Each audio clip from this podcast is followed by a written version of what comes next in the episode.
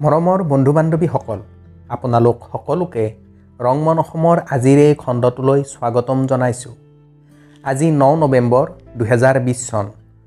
ঊনৈছশ আঠান্নব্বৈ চনৰ আজিৰ এই দিনটোতেই সেই সময়ৰ ভাৰতৰ ৰাষ্ট্ৰপতি সন্মানীয় কে আৰ নাৰায়ণন ডাঙৰীয়াই গুৱাহাটীৰ পাঞ্জাবাৰীস্থিত শ্ৰীমন্ত শংকৰদেৱ কলাক্ষেত্ৰ সৰ্বসাধাৰণ ৰাইজৰ বাবে মুকলি কৰিছিল। মৰমৰ বন্ধু বান্ধৱীসকল আজিৰ খণ্ডটোত আমি শ্ৰীমন্ত শংকৰদেৱ কলাক্ষেত্ৰৰ বিষয়ে কিছু কথা আলোচনা কৰিম। গতিকে বন্ধু বান্ধৱীসকল আহক আজিৰ খণ্ডটো আমি আৰম্ভ কৰোঁ। শ্ৰীমন্ত শংকৰদেৱ কলাক্ষেত্ৰ বা চমুকৈ কলাক্ষেত্ৰ হ'ল গুৱাহাটীৰ পাঞ্জাবাৰীত অৱস্থিত এক সাংস্কৃতিক ক্ষেত্ৰ। এইটো পৰ্যটকসকলৰ বাবে এক মূল আকৰ্ষণৰ কেন্দ্ৰবিন্দু। এই ক্ষেত্ৰৰ নাম অসমীয়া জাতিৰ পিতামহস্বৰূপ বৈষ্ণৱ গুৰু তথা পণ্ডিত মহাপুৰুষ শ্ৰীমন্ত শংকৰদেৱৰ নামেৰে ৰখা হৈছে। অসমীয়া সংস্কৃতিৰ প্ৰতীকসমূহৰ ই এক অন্যতম কেন্দ্ৰস্থল। অসমৰ সংগীত জগতৰ অন্যতম প্ৰসিদ্ধ আৰু পুৰুদ্ধ ব্যক্তি ভূপেন হাজৰিকাদেৱৰ এক সংগ্ৰহালয়ো ইয়াত স্থাপন কৰা হৈছে। এতিয়া আহক আমি চাওঁ কলাক্ষেত্ৰ নিৰ্মাণৰ ইতিহাস সম্পৰ্কে।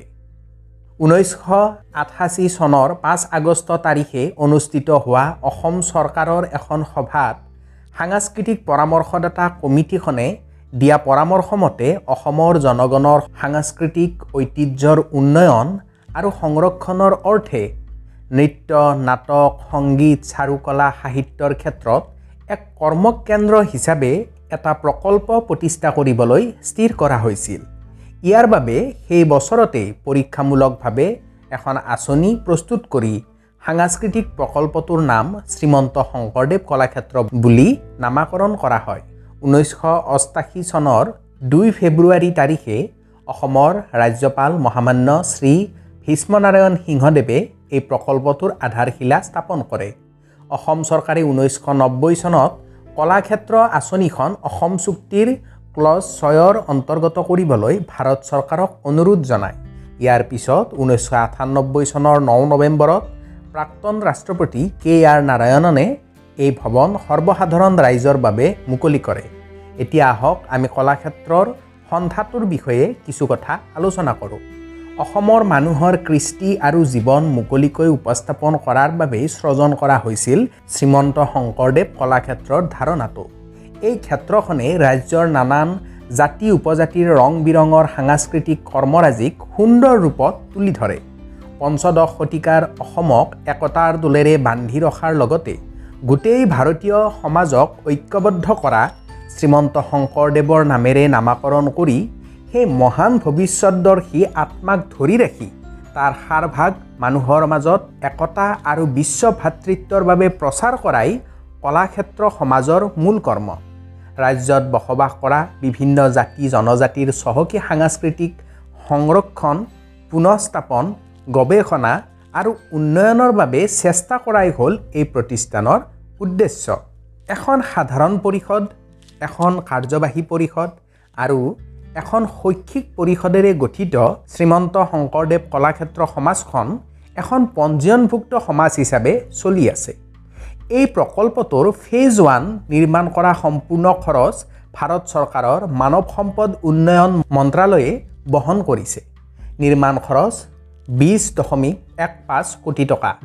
প্ৰকল্পটো চোৱা চিতা কৰিবলৈ প্ৰয়োজন হোৱা পুঁজি ৰাজ্যিক আৰু কেন্দ্ৰীয় চৰকাৰৰ অনুদান ৰাজহুৱা বৰঙণি আৰু সময়ে সময়ে ভিন ভিন সন্থাক প্ৰকল্পটোৰ সা সঁজুলি ভাড়ালৈ দিয়া বাবদ পোৱা ভাড়াৰ পৰা আহিব বুলি আশা কৰা হৈছে।